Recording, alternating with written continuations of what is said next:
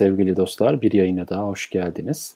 Ee, bu akşam konuğum sevgili Rüştü Erseven. Kendisiyle e, bilişim sektörü üzerine, TÜBİTER Derneği üzerine ve bilişim sektöründe COBİ'ler, dijital dönüşüm ve bunun gibi e, birçok konu üzerinde e, birçok konu üzerinde konuşacağız, çalışıyor, e, program yapıyor olacağız. Bir yandan da bir uyarı aldım LinkedIn'le alakalı, yayının oraya gitmediğiyle alakalı. Hemen şunu bir kontrol ediyorum. Tamam o da oldu. Şu anda LinkedIn'den de canlı yayına çıktık. İsterseniz şöyle yapalım. Ee, bir e, intromuzu döndürelim her zaman olduğu gibi. Daha sonra Rüştü Bey yayınımızı alarak devam edelim.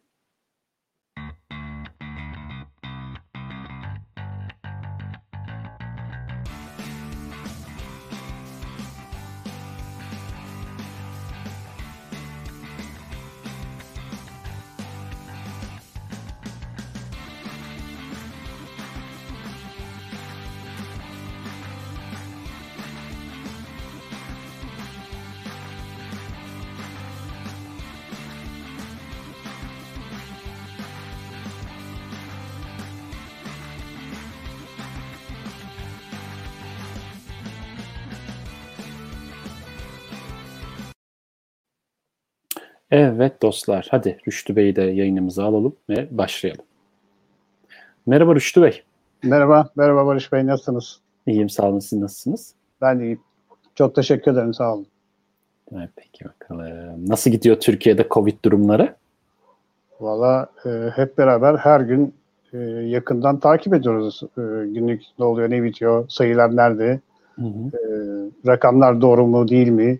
Hangi rakamlar gerçek hangisi değil gibi e, bir çelişkiler yumağı içinde e, tam bir telaş içindeyiz ama e, ciddi bir panik vardı birkaç iki hafta öncesine kadar işin doğrusu. Hı hı. Sanırım bu bir iki haftalık uygulamalarla birazcık olsun hani e, daha e, normale doğru dönüş en azından en azından hızı kesilmiş oldu diye düşünüyorum e, evet. Türkiye'deki gibi. İnşallah da altından hep birlikte kalkarız. Aynen aynen aynen öyle. Biz de bir felaket görmüş olduk yani o geçmiş 1500, evet. 1400'lü 1600'lü yıllarda yok veba salgınıydı, yok bilmem neydi falan diye böyle tarih kitaplarından okuduğumuz şeyler e, bizim hayatımıza da bir şekilde girmiş oldu. Evet. Evet şöyle yayınla ilgili şeylerimi de ayarlayayım. O zaman şöyle başlayalım isterseniz. Ben evet. gelen bütün konuklarımı hani e, başlangıçta sorduğum sorum sabit zaten. Bize kendinizi tanıtır mısınız? E, Rüştü Arseven kimdir? E, 1957 İstanbul Beşiktaş doğumluyum. E, sanırım mesaj yerine gitmiştir. Hangi takımı tuttuğum. Bu arada aynı zamanda Beşiktaş'ın divan kurulu üyesiyim. Tabii divan kurulu üyesi olmak için e, üyeliğinizin 25 yıl olması gerekiyor. Yani gidip de ben divan kurulosuyum diyemiyorsunuz. E, böyle bir yapı var. Bunu çok kısa bir e, anekdot olarak başlatmış olayım. Sonra 1979 yılında İstanbul Üniversitesi'nden mühendis olarak mezun oldum. E, 1979'da profesyonel iş hayatına başladığım zaman da ilk 20 yıl yaklaşık e, ilaç sektöründe geçti. İlaç sektöründe planlama, fabrika müdürlüğü e, konularında bu hepimizin bildiği İbrahim Ethem, Deva, Haber gibi firmalardı. Hı hı. Daha sonra e, yaklaşık 22 yıl e, bilişim sektörünün e, distribütör firmalarından TESAM'da genel müdürlük yaptım. E, halen e, Formrak firmasında, kabinet firmasında e, bu data center'lar ya da sistem entegratör, e, sistem odaları için kabinet üretimi yapıyoruz. Hı hı. E, danışmanlık yapıyorum, mentorluk yapıyorum. E, bu anlamda devam ediyor. Bir de tabii e, az önce de sizin de girişte söylediğiniz gibi e, bilişim STK'larından e, TÜBİDER, e, TÜBİFET ve TÜTET'te geçmişte çeşitli yöneticilikler yapmıştım. Halen TÜBİDER e, Yönetim Kurulu Başkanlığı'nı sürdürüyorum. E, son bir faaliyetimizde arkadaşlı bir grup arkadaşımızla sosyal sorumluluk faaliyeti çerçevesinde nar tanesi e, mentorluk e, platformunu kurduk. Bu çerçevede de e, gençlere bilişim sektöründe olmak üzere özellikle gençlere yol, yolculuklarında yardımcı olmaya çalışıyoruz. Çok harika gerçekten de. Ee, dolu dolu dolu bir CV diyeyim artık. e, dıldılı bir background. Peki bakalım o zaman hadi artık sorularımı sormaya başlayayım. Buyurun. Madem öyle. O zaman e, şöyle Türkiye'de IT sektörünün genel görünümü sizce nedir? Yani işler baştan sağma mı yoksa bir ciddiyet içerisinde mi ilerliyor? Hani bu konudaki görüşleriniz nedir merak ediyorum. Yani ben rakamlarla söyleyeyim yorumu size bırakayım. Yani nedir ne değildir diye. E, Türkiye'de bilişim sektörü aslında bugün e, hemen hepimiz yani sağlık konusu tabii en önemli gündemimiz olmasına rağmen sağlık konusunda bile bilişimi konuşuyoruz. Yani bugün bulduğumuz aşılar geçmişte 10 yıl, 15 yıllık araştırmalar sonunda olan şeyler şimdi neredeyse bir seneye sıkıştırılmış bir süreç içinde aşıdan bahsediyoruz. Bunun arkasında da çok ciddi bir e, bilgi teknolojileri e, birikimi gerekiyor. O, bunun e, olduğunu unutmamamız lazım. Fakat tabii. Ül- ülkemizde şöyle bir handikap var. Bizde de tabii Türkiye'de de şu anda hepimiz özellikle biz tabii belki algıda seçicilik yapıyor olabiliriz. Yani bilişim sektöründe olduğumuz için sanki herkes bilişim konuşuyormuş gibi, başka şeyde konuşmuyormuş gibi gelebilir ama e, dinlediğimiz tüm televizyon haberleri olsun ya da işte günlük sosyal medya e, imkanları olsun. Bunların hepsi herkes bilişimle ilgili bir konudan bahsediyor. Fakat maalesef Türkiye'de e, bilişimle ilgili yatırımlar, harcamalar sanayi anlamında, teknoloji anlamında ya da üretim anlamında maalesef yeterince değil. Bunu şöyle rakamlarla size söyleyeyim. 2013 yılında toplam IT pazarı yani bilgi teknolojileri pazarı Türkiye'de 10,5 milyar dolar. Ee, aynı rakam 2019 yılında 9.8 milyar dolar. Ha, artması gerekirken düşüyor. Yani düşmüş. Şimdi 2013 yılındaki nüfusumuz 75 milyon. Şu an 2019 nüfusumuz 82 milyon olarak düşünürsek kişi başı IT harcamamız 2013 yılında 140 dolarken şu an yaklaşık 120 dolar seviyesinde. Yani %17'lik bir daralma var. Evet. Ve bu mesela sadece 2013-19 karşılaştırması değil, bu yılların içindeki genel eğilim de böyle azalmaya yönelik maalesef. Dolayısıyla e, en naçizane şunu söyleyebilirim. E, Türkiye'de biz bilgi teknolojilerini özellikle yazılım ve hizmet anlamında söylüyorum bunu da. Donanımdaki farkımız hasbel kadar e, aşağı yukarı yakın olabilir ama e, özellikle hizmet tarafında maalesef e, biz bu e, sistemi yeterince kullanmıyoruz. Birazdan evet. zaten hani COBİ'leri de konuşursak ben size COBİ'lerde de bu yapının neden olduğunu e, bunu yaparız. Yani Türkiye'de e, dijital dönüşüm dediğimizde aslında bu rakamlar bize nereden başlamamız gerektiğini anlatıyor. Kesinlikle öyle. Kesinlikle öyle. Kesinlikle öyle. Yani ben e, şunu biliyorum ama birazcık işçiliğin de kalitesiyle de alakalı bir şey söylemek istiyorum. Bazen danışmanlık yap, yaptım hani çok e, büyük televizyonlarda reklamlarını gördüğünüz o koca koca firmaların bile hani bazen kodların içine girdiğimiz zaman e, çok inanılmaz şeylerle karşı biliyoruz. Hani hani işler baştan sağma mı yoksa bir ciddiyet içerisinde ilerliyor sorusuna baktığımız zaman hani yurt dışında yaşayan bir olarak ben hani şey demek istedim birazcık baştan sağmalık bazı noktalarda Maalesef. görüyoruz diyebilirim. E, ciddiyeti tabii olarak işini yapanlar var ama bu sefer de bu maliyetlere yansıdığı için bu sefer de başka sorunlar ortaya çıkıyor. Ee, evet. Yani birazcık sıkıntılı bir konu maalesef Türkiye'de IT sektöründe olmak, IT sektöründe çalışmak. Ee, bunun genel görünümü hani de zaten bunu gösteriyor. Peki o zaman e, şöyle devam edelim. Ee, Türkiye'de şey, peki bu tür TÜBİDER Bilişim Sektörü Derneği hani neler yapıyor? Kurma amacı neydi? Ee, biraz da bunlardan bahsederseniz evet. bu konuları birbirine bağlamış olalım artık yavaş yavaş sonraki şey, sorulardan. TÜBİDER e, Bilişim Sektörü Derneği 1999 yılında e, sektörde ticaret yapan e, toptan bayi, sistem entegratörü olarak faaliyet gösteren firmaların kurdukları bir e, sektör meslek grubu. E, bu üyelerimiz arasında bizim Türkiye'nin genelinde sadece İstanbul merkeziyiz şu anda ama e, Türkiye genelinde de çok sayıda üyemiz var. Üyelerimizin aşağı yukarı yarısı Anadolu'nun çeşitli illerinde e, ve toplam şu anda 600 üyemiz var. Bizde üyeliklerin tamamı e, firma üyelikleri şeklindedir. Yani 600 firma TÜBİDAR üyesidir. Dolayısıyla firmanın büyüklüğü burada önemli değil. İsterse 3 kişilik, isterse 300 kişilik firma olsun. E, TÜBİDAR'da temsil hakkı bir oydur. E, bu şekilde bir kurgumuz var. E, dolayısıyla e, bu anlamda faaliyetlerimizi sürdürüyoruz.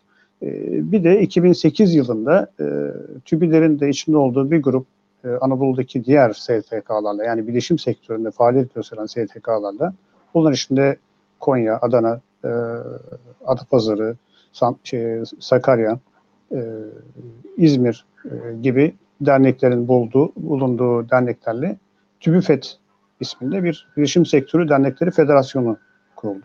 Bir aynı zamanda bu federasyon üyesidir. E, burada yapmaya çalıştığımızda bu derneklerde yerel ya da global e, anlamda, ülke anlamında çalıştığımlarımızı e, diğer illere de paylaşabilmek şu anda o çarşı çalışmalarımıza devam ediyor. Anladım, anladım. Çok, çok güzel, harika yani. Burada ee, çok kısa şeyden de bahsedeyim. Hani TÜBE'lerde neler yaptık son belki bir seneden ya da iki seneden bahsedeyim. Yani bir seneden bahsedebilir aslında. Bu sene Şubat ayında tam pandemi öncesinde bir 20. yıl e, toplantısı yaptık. Bu çerçevede de 20 yıllık e, içindeki gelişmeleri konuşmak üzere e, sektörün 3 ticari ayağı var. Bunlardan bir tanesi bayiler, e, bir grup e, ara toptancılar, bir grupta e, veya distribütörler, bir grupta markalar. Biz her üç grubu da e, aynı gün içinde e, birer panelle ve tamamen bilişim sektöründeki e, basın sektöründen arkadaşlarımızla e, moderatörlüğünde üç tane açık oturum düzenledik. Ve buradan çıkan sonuçları da bir rapor şeklinde yayınladık. E, bu şekilde de sektörde neler oluyor? Grupların birbirini daha iyi anlaması, daha iyi yakınlaşması e, anlamında bir çalışma gerçekleştirdik. E, sonraki e, bu pandemi döneminde özellikle video konferansta görüşmeler sırasında e, hem kamu da bakanlık seviyesinde yetkililerle hem de muhalefet tarafında. Çünkü bugüne kadar çok muhalefet de işin içinde değildi işin doğrusu. Muhalefet liderlerine diğer STK'larla beraber bilişim sektörünün Türkiye'deki durumu hakkında biraz önce size verdiğim rakamları da ve diğer sorunları da paylaşarak onu anlatmak için bir rapor çalış çalışmamız oldu. Sonra e, hepimizin yakından bildiği şey e, kısaca sosyal medya yasası diye bildiğimiz bir yasa çıktı. Bu yasanın e, mevcut durumu, ihtiyacı karşılayıp karşılamadığı ya da bir takım sıkıntıları konusunda bir sosyal medya raporu e, hazırladık TÜBİDAR olarak. E, yine bu 1 milyon istihdam yaz, önce yazılımcı diye başladı sonra istihdam diye devam etti. Bu çalışmaya eğitim e, dokümantasyonumuzu paylaştık. E, ve bir taraftan da sektör birliği ve sektör envanteri konusunda da farkındalık oluşturmaya ve bir taraftan da aynı zamanda e, COBİ'lerde dijital dönüşüm konusunda neler yapılabilir diye bunu sıcak gündemde tutmaya devam ediyoruz. E, Valla çok iyi yani kapsam alanı gayet e, doyurucu geldi bana TÜBİDER'in e, çalışmalarının kesinlikle öyle. E, yani baktığımız zaman sektörde kesinlikle bu tarz e, şeyleri STK'la ihtiyacımız var. Dernek evet, olup evet. daha güçlü hareket etmeliyiz. Bir olarak daha güçlü hareket edebilir hale geliriz. Kesinlikle sesimizi duyurabiliriz e, IT'ciler olarak bu işim sektörünün içinde olan kişiler olarak. Çünkü bizim e, yetişmemiz kendi kendimizi öğrenme sürecini kapsıyor. Ve bu öğrenme sürecinde bir takım araçlara ihtiyaç duyuyoruz. Bu araçlarla birlikte soru sormamız gereken kişiler oluyor bu araçları kullanırken e, ve her şeyden önemlisi artık yaşamımızı sağlayacağımız noktada da eğer güçlü olursak, güçlü durursak da birbirimize çok destek olarak da e, iş bulma, çalışma konularında rahatlık, rahatlık sağlayabiliriz. Mesela benim en çok dikkatimi çeken konulardan bir tanesi aslında bu konunun sizin yorumunuzu da almak isterim. Baktığınız zaman e, çok fazla gece mesaisine kılınan bir iş kolundayız biz. Yani sistemleri taşımak için geceleri çalışıyoruz, sistemleri taşımak için e, hafta sonları çalışıyoruz, bayramlarda çalışıyoruz. Aman sistem kimse, şirket durmuş, herkes tatilde aman biz çalışalım, orada oraya yeni sistemleri upgrade edelim, bilmem ne yapalım falan. E, Pazar günü sabahın beşinde ben iş yerine gittiğimi falan bilirim ya da müşteriye gittiğimi bilirim bir işlemi başlatıp bilmek için. Bu konuda sektör bir çalışma var mı? TÜBİDER olarak bir çalışma yapmayı düşünüyor musunuz? Çünkü bizde bu yönde hakları da yeniyor bence e, bilişim sektöründe çalışanlar olarak. Şimdi e, buraya gelirken yani bu konuya gelirken aslında birkaç başka konumuz var. E, daha genel anlamda. Hani oradan buraya bağlayayım sonucunu. Şimdi e, bilişim sektörünün aslında e, maalesef kamu tarafında yani mevcut hükümet devlet tarafında bir e, tek bir muhatabı yok. Yani bir karşınızda Ulaştırma Bakanlığı var. Ulaştırma Bakanlığı'na bağlı BTK var. Dijital Dönüşüm Ofisi var. Hatta ve hatta daha ilginç bir şey söyleyeyim size. Son bu 1 milyon yazılımcı ya da 1 milyon istihdam diye çıkan e, tasarı e, Maliye Bakanlığı tarafından yönetildi. Yani bir muhatabımız yok işin doğrusu. Şimdi Doğru. herhangi e, örneğin Türkiye'de mesela e, fiber altyapı konusunda çok ciddi sıkıntı var. Yani şu andaki e, şeyimiz internette sıkıntılarımız var. Bununla ilgili kime gideceğiz? Kime başvuracağız? Yani bunun altından hangi bakanlık? Ulaştırma Bakanlığı mı? Dijital Dönüşüm Ofisi mi? İşte Maliye Bakanlığı mı? Tabii ki onlar kendi içinde bir kurumsal şey olabilir ama en basitinden e, hani bir bilişim bakanı olur olmaz ayrı mesele ama böyle bir nokta olsa bir muhatap olsa ve bu işlerin hepsini biz oradan çözsek yoksa az önce bahsettiğiniz konu için örneğin e, ne bileyim sağlık sosyal ne bileyim sosyal güvence bakanlığı vesaire gibi bir yere gitmemiz gerekiyor. Dolayısıyla evet. her konuyu biz başka başka yerlerde çözüm bulmak zorunda kalıyoruz. Şimdi bu pandemi sürecinde aslında e, tabii ki hiç kimse sağlık çalışanlarının bütün e, emeklerini vesairesini göz ardı edemez. Ama burada inanın en az onlar kadar teşekkür edilmesi gereken bir grup daha var. Bunlar Kesinlikle. az önce bahsettiğiniz bilişimciler. Evet. Eğer bu arkadaşlarımız gece gündüz hafta sonu vesaire çalışmamış olsalardı e, bugün e, Türkiye'nin bu pandemi sürecindeki işlerin en azından sürdürülebilir olması, eğitim sisteminin mesela Milli Eğitim Bakanlığı'nın hızlıca buna geçiş olabil geçiş yapabilmesi. Bütün arkasında bahsettiğiniz o kahramanlar yatıyor. Doğru. Biz bu arkadaşları maalesef e, bu şekilde e, takip edemiyoruz. Yani Türkiye'de en önemli konulardan bir tanesi biraz önce hani e, pazar konuşurken, pazarın büyüklüğünü konuşurken hizmet konusunda sıkıntımız var şimdi. Sizin söylediğinizin tam karşılığı aslında o. Doğru. Yani bizim oradaki e, hele hele yazılım, yani yeni e, yazılım konusunda bir takım e, algılamalar ya da farkındalıklar oluşmaya başladı. Hizmet konusu da araya gelemedi işin doğrusu. Ama burada çok önemli bir gerçekten e, yapıyı değiştirmemiz gerekiyor. Önemli nokta e, işin doğrusu hani muhatap konusundaki çok başlılık hükümet Hı. tarafında en büyük handikaplarımızdan bir tanesi. Doğru. Doğru. Ama bir şekilde bizim artık e, sektör içerisinde bir araya gelip hani bizim belli bir sosyal haklara sahip olmamız ve bu hakların da bir şekilde sağlanması lazım. Gece çalışılan ya da ne bileyim sabahlara kadar çalışılan evet. ya da e, hafta sonu çalışılan, bayram çalışılan mesailerin alınması, ödenmesi konusunda ben birçok firmada, birçok yazılımcı ile ilgili sorun olduğunu biliyorum. Ee, bakalım yani umarım bunun devlet tarafında bir karşılığı e, çıkacaktır diye düşünüyorum. Yani şö- şöyle bakın mesela e, Türkiye'de e, pandemi oluşunun ilk açıklandığında bir sürü sektörde örneğin devlet destekleri geldi. Kahve indirimi geldi, işte borçlar ödendi vesaire. Bilişim sektörüyle ilgili ne yapıldı? Hiçbir şey. Hiçbir şey. Neden? Çünkü siz bir sektör olarak aslında bütün aklınıza gelecek Türkiye'deki tüm sektörlerin içinde varız. Satışından, pazarlığından, üretimden, tarım, e, ne aklınıza gelirse. Hani elektronik e, ya da işte makine, oto, otomotiv vesaire onları saymıyorum bile yani. Doğru. Yani dolayısıyla bu sektörlerde bu kadar yaygın kullanılan temel e, ihtiyaç maddesinde eğer siz gerçekten destekleyici olmazsanız o zaman bu ülkenin kalkınmasını nasıl konuşabiliriz ki?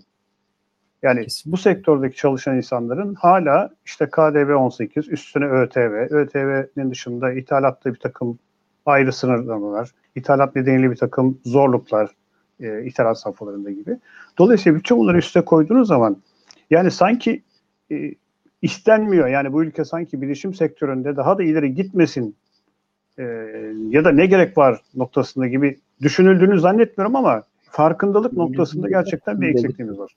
Evet evet. Yani o da aslında biraz bizde kabahat olabilir ben öyle düşünüyorum. Yani bir türlü sektör olarak bir araya gelip daha yeni aslında o, o, o da, o da çok haklı. başladı. Haklısınız yani. O da o da o da Hı-hı.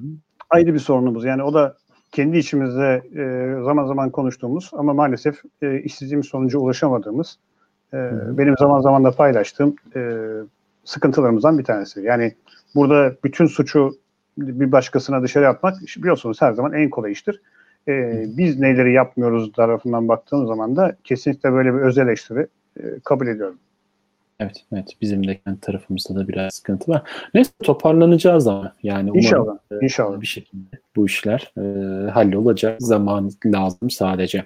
Peki tamam sektörün sıkıntılarından, TÜBİTER'den falan bahsettik. Birazcık da öğrenci arkadaşlarımızın sıkıntılarına derman olacak şu nar tanesi mentorluk programından bahsedelim isterdiniz. Hani bunun hakkında biraz bilgi alabilir miyiz? Nedir, nasıl Tabii ki. ulaşılır, ne yapmak gerekir, amacı nedir? Bunları biraz öğrenirsek seviniriz. Yani e, çıkış noktamız aslında e, üniversite sanayi arasındaki işbirliğinin yetersiz olmasından kaynaklandı e, Barış Bey. Yani e, burada çok ciddi handikaplar yaşıyoruz. Özellikle genç arkadaşlar işe başladıklarında e, bütün sektörlerde bu böyle belki ama bizim bilişim sektöründe biraz daha e, sıkıntılı hale geldi. Bir de bilişim sektörü geçmişte e, böyle hani donanımcı, yazılımcı ya da bir bilgisayarcı dediğiniz zaman bu arkadaş gelip size donanımı satar. Aynı zamanda içindeki yazılımı da aktif hale getirir. Servisini, hizmetini de verir, geçer giderdi. Yani bir bilgisayarcıyla siz işinizi halledebilirdiniz. Şimdi Evet. hem donanım tarafında hem yazılım tarafındaki disiplinler çok değişti. Birbirinden çok farklı, çok bağımsız ve gerçekten ihtisas konusu içeren, özel e, zaman harcamayı, öğrenmeyi gerektiren konular ortaya çıktı. Şimdi böyle olunca bu sefer e, okullardan çıkan arkadaşların bilgisayar mühendisliğe çıkması ya da bir yazılımcı mühendisliği çok bir şey ifade etmiyor. Yani çünkü içinin doldurulması gerek. Yani hangi detayda, hangi konuda odaklanmaları gerektiği konusunda gerçekten iyi bir e, bilgi birikimine ihtiyacı var. Şimdi bu arkadaşlarımızın en büyük handikapları bu. Okuldan çıktıkları zaman iş hayatında başlarken nasıl yol alacaklar, kendilerine nasıl bir yol çizecekler, iş müracaatı yaparken nelere dikkat edecekler, hatta hatta nasıl CV dolduracaklara kadar düşünebilirsiniz yani şöyle. Ee, biz de bir grup arkadaşımızla biraz önceki e, cümlemin sonunda da yani konunun sonunda da bağladığım gibi yani şimdi e, her şeyi devletten ya da e, kamudan ya da işte yöneticilerden beklemek yerine yani biz ne yapabiliriz noktasından bir yola çıkalım dedik. Dolayısıyla e, kendi bir grup arkadaş e, bir bilişim e, platformu kurup, bir e, mentorluk platformu kurup e, menti olarak özellikle meslek lisesi yani bilişim sektöründe eğitim gelen meslek lisesi, üniversite öğrencisi ya da üniversiteden yeni mezun olmuş arkadaşlarımıza ay onların ilgi duydukları konularda uzmanlığı olan örneğin yazılım gibi mesela sizin konunuzda olan arkadaşlarla eşleştirerek onlara bir mentorluk, mentelik ilişkisi içinde destek olmaya çalışıyoruz. Bu proje yaklaşık e, 5-6 aylık bir proje. E, Şu an itibariyle 100 mentorumuz, 120 civarında da mentiğimiz var. E, Yakın zamanda hepinizin sektörden bildiğiniz gibi e, BT Haber Dergisi'nin bir e, e, yılın kaptanları diye, teknoloji kaptanları evet. diye bir organizasyon olmuştu. E, sağ olsunlar orada da bu çalışmamıza hatta e, birincilik ödülü e, bizim nar tanesine verildi. E, şu anda sektörde bildiğiniz, duayen olarak kabul ettiğiniz çok tecrübeli arkadaşlarımız var. Bir danışma kurulu oluşturuyoruz şu anda. Onlarla işi biraz daha geliştirip hani nasıl daha bu işin verimliliğini artırabiliriz, nasıl katkı sağlayabiliriz gibi.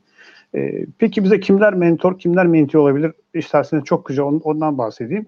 Tabii, Bilişim sektöründe e, halen çalışmakta olan ya da uzun yıllar çalışmış e, tüm e, tecrübeli iş arkadaşlarımızı mentor olmaya davet ediyoruz. Kamuda, özel sektörde olabilir, üniversitede olabilir. Bu, şu anda içimizdeki arkadaşlar gibi bu arkadaşlara bir mentorluk ve mentilik kavramı maalesef Türkiye'de çok bilinen ya da güncel kullanılan kelimeler olmadığı için zaman zaman bir takım e, zorlukları var ama bu konuda da aldığımız sağ olsun hocalarımız var. Bu eğitimler sayesinde e, bu işin nasıl sürülebileceğini, pratikte nasıl olacağı konusunda da dönem dönem eğitimler düzenliyoruz. Mevcut eski eğitimlerimizin video kayıtlarını paylaşıyoruz. Bu şekilde de destek oluyoruz. Dolayısıyla e, bize bu anlamda tüm sektörde aktif faaliyet gösteren tecrübeli arkadaşlarımızı mentor olmaya davet ediyoruz. Peki mentiler kim olabilir? Az önce bahsettiğim gibi tüm meslek lisesinin bilişim dallarında okuyan, mühendislik dallarına yönelik, yönelik okullarda okuyan, mühendislik dallarındaki tüm arkadaşlarımız e, bilişimle ilgili konularda öğrenciler ve üniversiteden yeni arkadaşlar nasıl bir şirket kurarlar, startup kurarken nelere dikkat etmeliler, hangi dilleri öğrenmeleri gerekiyor, e, hangi yazılım modelleri gelecekte onlara ne kazandırabilir? Bu konularda uygun eşleştirmelerle bu arkadaşlarımıza e, yolculuklarında destek olmaya çalışıyoruz.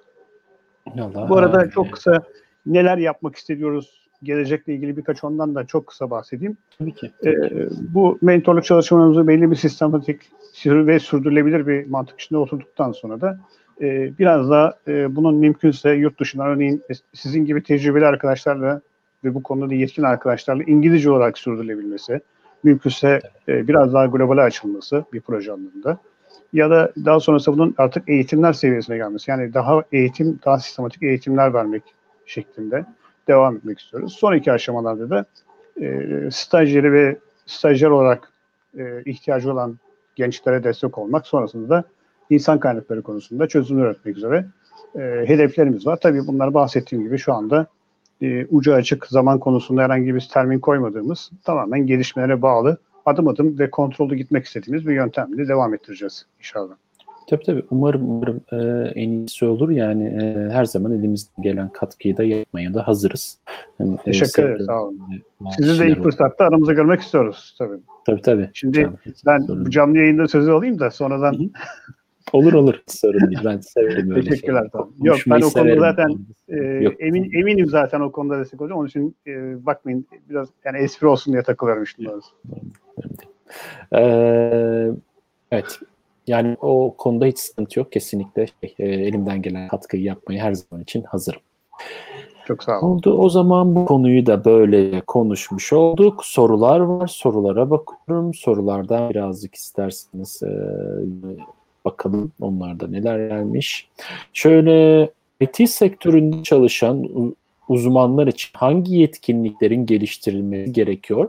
Bu konuda gençlere hangi gelişim e, alanlarında ilerlemelerini önerirsiniz diye bir soru var. Şimdi e, IT sektöründe az önce bahsettiğim gibi gerçekten e, teknolojik e, disiplinler e, artık çok e, genişlemiş durumda. Yani şu anda kalkıp da eskiden olsaydı kolaydı. Yani bir 10-15 sene önce biz e, hangi konu ya yazılımcı olun bakın yazılımcıda ge- gerek gerek var derdik. Ya da işte e, donanımcının şu konulara embedded sistemlere örneğin odaklanın. Burada bir takım gelecek var. Ya da çip üretimi vesaire gibi bir takım yönlendirmeler e, yapabilirdik. Ya da e, daha böyle e, adı belli örneğin e, robotik programlara yönelin konusu gündeme gelebilirdi. Fakat şimdi gerçekten bu konuda e, destek olmak, genç gençler konusunda bu konuda eğitim almak isteyen gençlerin bir biraz çalışmalarına ihtiyaçları var. Yani kendi talep ettikleri, beklentileri ya da yönelmek istedikleri konu ne? Yani şimdi artık eskiden yazılımcı dediğin şey genel bir şeydi ama şimdi siz bir ERP programı içinde mi yer almak istiyorsunuz? Bir oyun sektöründe mi almak istiyorsunuz? Yani kendi içinde o kadar çok kırılımları var ki. Dolayısıyla bunların içinde neyin içinde ya da size ilgi gelen, ilginç gelen konu nedir? Sizin ilginizi çeken konu nedir? Biraz bunca bunu konuda bir saptama yapmanıza ihtiyaç var. Onun sonrasında siz ancak bu konuda e, destekler verebiliriz. Ha bununla ilgili de az önce e, nar tanesi or, or, e, organizasyondan bahsettiğim gibi e, isteyen tüm arkadaşlarımız zaten bizim mentor, mentorluk mantığımızda yapmaya çalıştığımız tam da bu. Yani kişinin arzu ettiği, ilgi duyduğu konuları bekliyor, e, belirliyoruz. İstiyoruz daha doğrusu mentilerimizden. Mentorlarımız da zaten kendi yetkinliklerini, kendi uzmanlık alanlarını yazıyorlar ve bunlar arasında eşleştirme yapıp en uygun mentor ve mentiyi eşleştirerek yola devam ediyoruz. Ee, onun için e, ben bu sorunun net cevabı nar-tanesi.org sitesine girerek e, bir incelemelerini ve oradan mentilik başvuru yapmalarını tavsiye edeyim özetle. Okey süper. O zaman e, yani burada şunu söylemeliyiz bence bir de. Hani e, geliştirmek tamamen kişinin kendisinin elinde. Kişinin kendisini geliştirmesi evet. IT sektöründe kişinin kendi elinde. Hani o diğer sektörler gibi o pek olmayan bir sektör. Hani e, bulunduğunuz ortam üzerinden bilgisayarınız vasıtasıyla hızlı olmak üzere söylüyorum. Donanım tarafı tabii işler biraz daha farklı. Yazılımcı olmak için bir bilgisayara ihtiyacınız var aslında. Ve geri kalan araçları kurdukça da zaten e, öğrendikçe ilerleyebiliyorsunuz.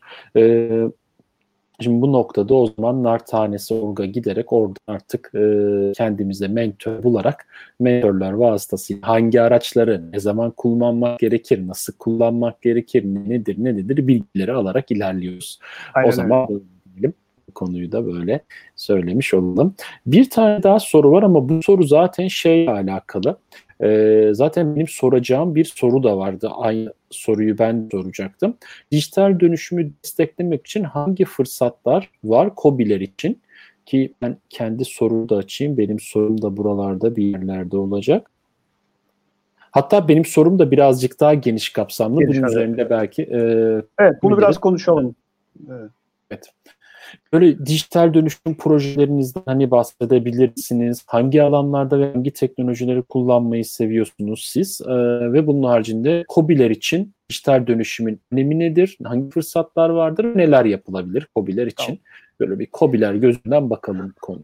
Şimdi önce e, önce bir şeyi koyalım, bir tarif koyalım. COBİ kim? Ya da Türkiye'de COBİ'lerin yerine e, biz kimlere Türkiye'de COBİ noktası diyoruz gibi. COBİ'ler e, yaklaşık 250 çalışana kadar olan başka kıstaslar da var rakamsal olarak yani yaptıkları ciro itibariyle ama 250 çalışana kadar firmalara genelde COBİ olarak tanımlanıyor Türkiye'de. E, şu an Türkiye'de yaklaşık 3,5 milyonu geçen e, girişim var. Bu bir çalışandan işte 500 bin, 5 bin çalışana kadar olan tüm girişimlerin tamamı. Ve bu COBİ'lerin oranı bu 3,5 milyon girişim içindeki oranın %99.8. Wow. Yani bu girişimlerin neredeyse tamamı KOBİ olarak geçiyor ve KOBİ'ler e, enteresan bir şekilde istihdam olsun, toplam ücretler, ciro, katma değer, ihracat konularına baktığınızda onların rakamlarının detaylarına girmeyeceğim. Ama Türkiye ekonomisinin %60'ını gerçekleştiriyor. Yani Türkiye'nin %60'ı KOBİ'ler üzerinden gerçekleşiyor. Ee, burada en önemli kritik bizim hassas olduğumuz noktadan birisi e, bilgi teknolojini ne kadar kullanıyoruz? Ya da katma değerli teknolojik ürün ihracatımız toplam ihracatımızın yüzde kaçı? Yani buralarda sıkıntımız var. Toplam ihracatımız içindeki yüksek teknoloji kullanılan ürünlerin ihracat oranımız yüzde ikilerle üçler seviyesinde. Aynı rakam Avrupa'daki Almanya gibi ülkelerde yüzde on sekiz seviyesinde. Yani aradaki farkı anlatmak için evet, söylüyorum. Evet. Dolayısıyla bizim orada çok ciddi bir yol almamız gerekiyor. COBİ'lerin bazı handikapları var tabii. Yani e, en önemli konu dijital dönüşümü burada konuştuğumuz noktada bu konuda çok fazla bilgiye sahip değiller. Yani dijital dönüşüm nasıl bir şey, nasıl olacak? Çünkü herkes bir şey söylüyor dijital dönüşüm konusunda. Biraz da dijitalleşme ve dijital dönüşümü beraber düşünmek gerekiyor. O ikisi konusunda da handikaplar olabiliyor. Nereden başlayacaklarını zaman zaman bilemiyorlar. Ee, dolayısıyla teknolojik terminoloji de kafalarını karıştırıyor işin doğrusu. Yani bizim hatamız olarak da söylüyorum ben bu işin proje yapanlar, iş yapanlar tarafında da fazla terminolojiyi, teknolojik terminolojiyi çok fazla kullanıyoruz. Bu sefer de o girişimcinin dijital dönüşümü konusunda nasıl yapacağı konusunda gerçekten hani işin nerelere gideceği, nasıl yapılacağı konusunda bir takım handikapları var. Benim üç tane mottom var bu konuda. Yani bir dijital dönüşümün üç temel noktasını şöyle bakmak gerekiyor. Yani neden dijital dönüşüm noktasını? Bunlardan bir tanesi biz genelde Endüstri 4.0 ile dijital dönüşümü karıştırıyoruz. Şimdi evet. e, Endüstri 4.0 noktasına zaman zaman bundan yaklaşık bir buçuk iki yıl önce Türkiye önemli bir şekilde gündem olarak tamamen Endüstri 4.0 konuşur haldeydi. Neyse ki şu anda o stresten biraz kurtulduk işin doğrusu. Evet. E, dijital e, dönüşümle karşılaştığı zaman Endüstri 4.0 e, bir iceberg'in sadece üst tarafıdır. Bu iceberg'in alt tarafı tamamen dijital dönüşümdür. Yani siz dijital dönüşümü tamamlamadan su yüzüne çıkamazsınız. Bir kere birinci nokta bu. Dijital dönüşümle Endüstri 4 sırasındaki fark. İki, ikinci motto ölçmediğinizi yönetemezsiniz. Peter Drucker'ın en önemli sözlerinden biridir. Muhakkak ölçmeniz gerekiyor. Yani ne yapacaksanız ölçmeniz gerekiyor. Üçüncü şirk yapıda, dijital dönüşümde kritik motto da e, çoğu şirket yanlış yaptıkları şeyler için değil, eskiden doğru olanı yapmaya devam ettikleri için batıyorlar. Bu üçünü birleştirmemiz gerekiyor. Yani şimdi dijital dönüşüm dediğimizi bu üç kritik nokta üzerine kurmamız gerekiyor. Sonra iki faza gelelim. İki tane fazdan bahsedeceğim şimdi. Bunlardan bir tanesi mevcut şirketinizin bilişim altyapısı. Bilişim altyapınız hazır mı? Bilişim altyapınız ne aşamada daha doğrusu? Bununla ilgili hatta bizim TÜBİDER e, web sayfamızda, TÜBİDER e, org.tr'de bir e, dijital indeksimiz kaç diye bir şeyimiz var. Bir anketimiz var. Arzu'dan ilgilenen arkadaşlar oradan girip kendi dijital e, dönüşümle ilgili olan ya da dijitalleşme ile ilgili olan yatırımlarını, çalışmalarını değerlendirebilirler. Hı hı. Burada şimdi e, olaya şöyle bakmak lazım. İşin üç ayağı var bildiğiniz gibi. Donanım, yazılım ve hizmet. Şimdi donanım tarafında bilgisayar ve sunucunuzun güncelliği, cihaz ve sisteminizin network güvenliği, veri yedekleme sisteminiz, internet erişiminizin yöntemi, sistem odanızın yönetimi, güvenlik kamerası sistemlerinizin IP analog olması, santral sisteminiz, hatta şirket mobil cihazlarının sistemi uyumlu ve güvenliği gibi konular, mobil konular. İkinci yazılım tarafında e, kurumsal kaynak planlamanız var mı? ERP'niz var mı? CRM'iniz var mı? Kurumsal e, ERP programınız web tabanlı mı? Yönetilebilir mi? E, buradan B2B, B2C gibi bir takım fonksiyonları götürebiliyor musunuz? E-Devlet programlı uyumlulukları var mı? Gibi e, ve buna ilaveten örneğin depo otomasyonu vesaire gibi şirketinizde, fabrikanızla ilgili bir takım gelişmeleri koyabilir misiniz gibi. Bu raporlama ve iş zekasıyla bir yayla da bunu destekleyen bir yapıda düşünün. Bunlar var mı? Sonra bunun yanına şeyinizi koyabilirsiniz. Eğer bunlardan tamam diyorsanız, önemli bir kısmı bende var diyorsanız bu sefer internet siteniz hangi dillerde mevcut? Hı hı. Sosyal medya hesaplarınızı nasıl yönetiyorsunuz? e, SSL güvenliğiniz, e, e, SEO optimizasyonunuz gibi, Google Analytics kullanıyor musunuz gibi bir takım sorular gelebilir. Ve son hmm. olarak da bu bilişim altyapısında iki noktalardan bir tanesi e, toplam e, donanım ve yazılım hizmetler için aldığınız hizmet sözleşmeleri. Yani 7-24 hizmet alıyor musunuz? Tüm bunları eğer siz belirli ölçülerde yapıyorsanız ki bunların hepsi zaten yaptığınız zaman zaten yapıyorsanız siz zaten e, dijital dönüşümü tamamlıyorsunuz demektir. Onlardan hangileri eksik yaptığınıza bakıp bir kere bunların bir kere adının konması lazım. Hı hı. Sonra bu birinci faz yani mevcut elinizdeki bilişim yatırımınızla ilgili olan analiz. İkinci analizde şunu sormak lazım. Yani bu e, bu çalışmada şöyle bir e, yapı olabilir iki aşamada. Mesela yaptığınız şirketinizdeki tüm fonksiyonları düşünün. Biz kabaca ben bu beş fonksiyon üzerine odaklandım. Mesela organizasyonel yapınız, üretim yönetiminiz, işte ürün geliştirme, tedarik zinciri ve satış yönetimi.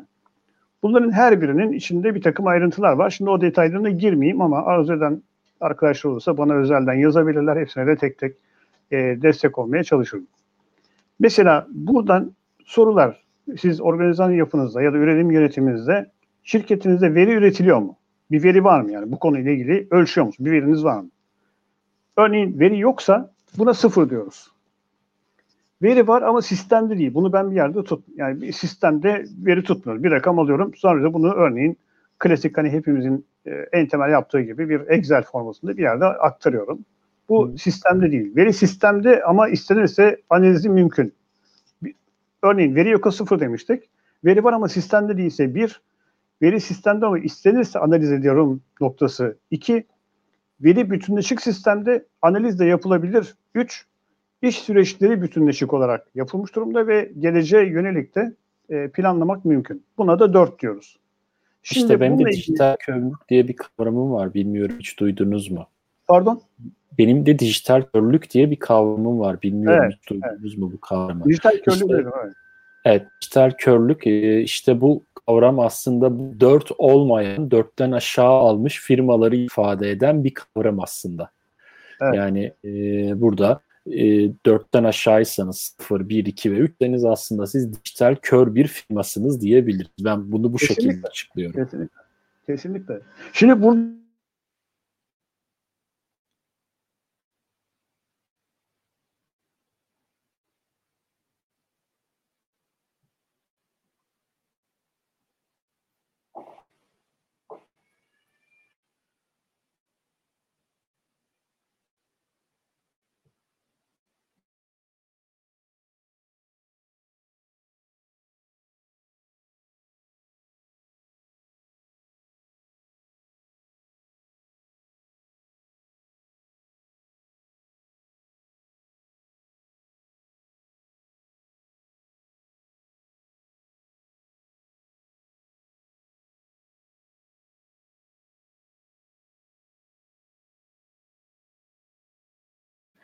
Rüştü Bey'in evet Rüştü Bey'in bağlantısı koptu şu anda.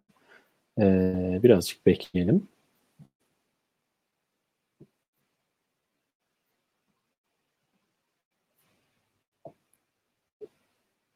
Evet Rüştü Bey geri geldi. Evet. Evet, dijital körlükten bahsedince e, sistem bir an körleşti bu arada. Aynen. Ee, şöyle e, burada e, yapılan bir araştırmada maalesef bir organize sanayi bölgesindeki e, çalışmada bu bahsettiğim 5 ayak üzerine yapılan çalışmada e, ortalama 1.3 seviyesinde.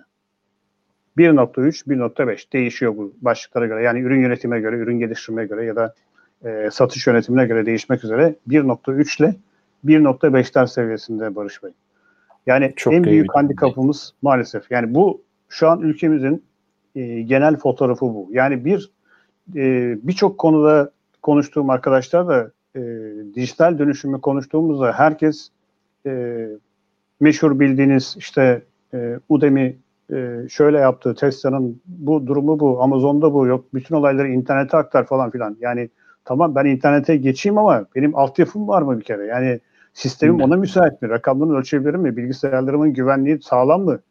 Yani bu milleti uçacaksın, kaçacaksın noktaları yaparak bir takım global rakamlardan böyle çok güzel e, klasik başarı hikayeleri vererek e, maalesef e, bu şekilde bir takım çok zaman, emek kaybımız var.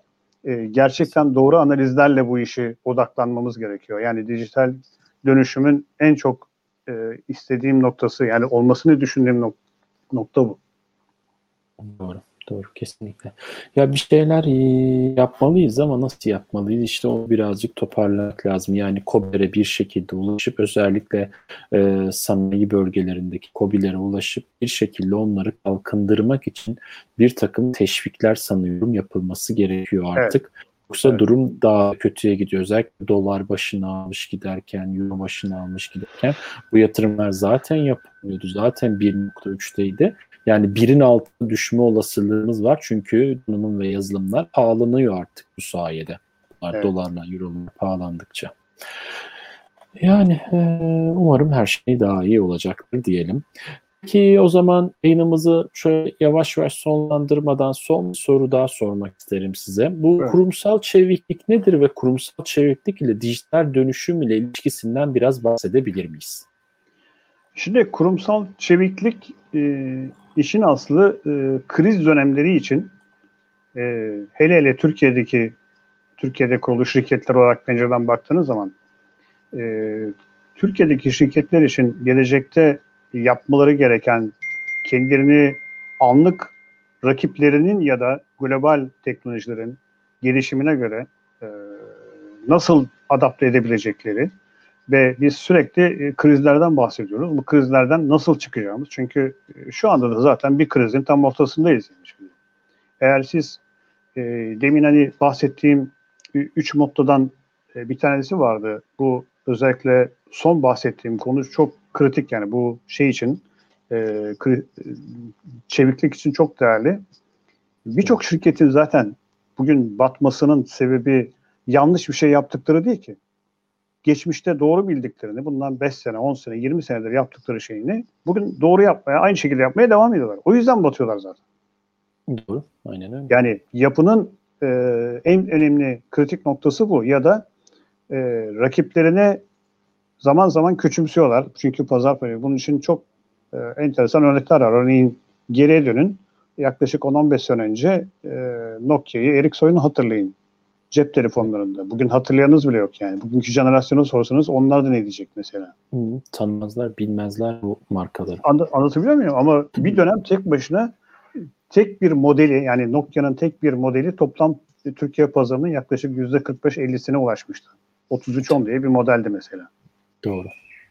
Yani dolayısıyla şunu söylemeye çalışıyorum ya da işte Kodak e, bu baskı, film vesaire dediğiniz şey dijital kameralar gelince bir anda. Bu yıkıcı ekonomiyle de bu bahsettiklerim tabii uç örnekler.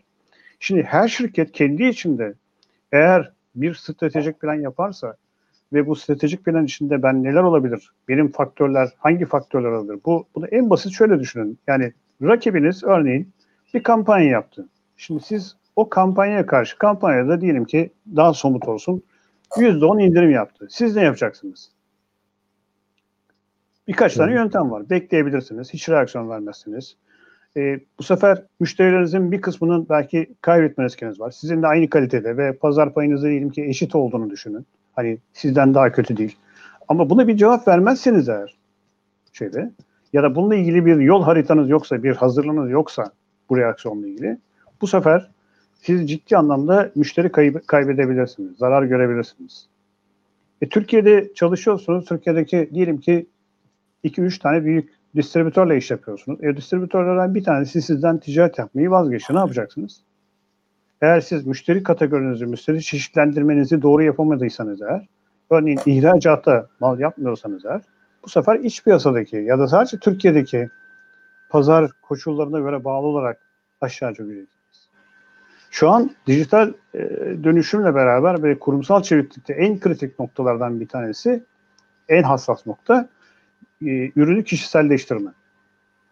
Artık e, hepimiz biliyoruz ki neredeyse yani artık otomobiller dahi siz isterseniz kendinize özel otomobil yaptırıyorsunuz rengini vesairesini. Şeyi hatırlayın, e, geçmişi hatırlayın.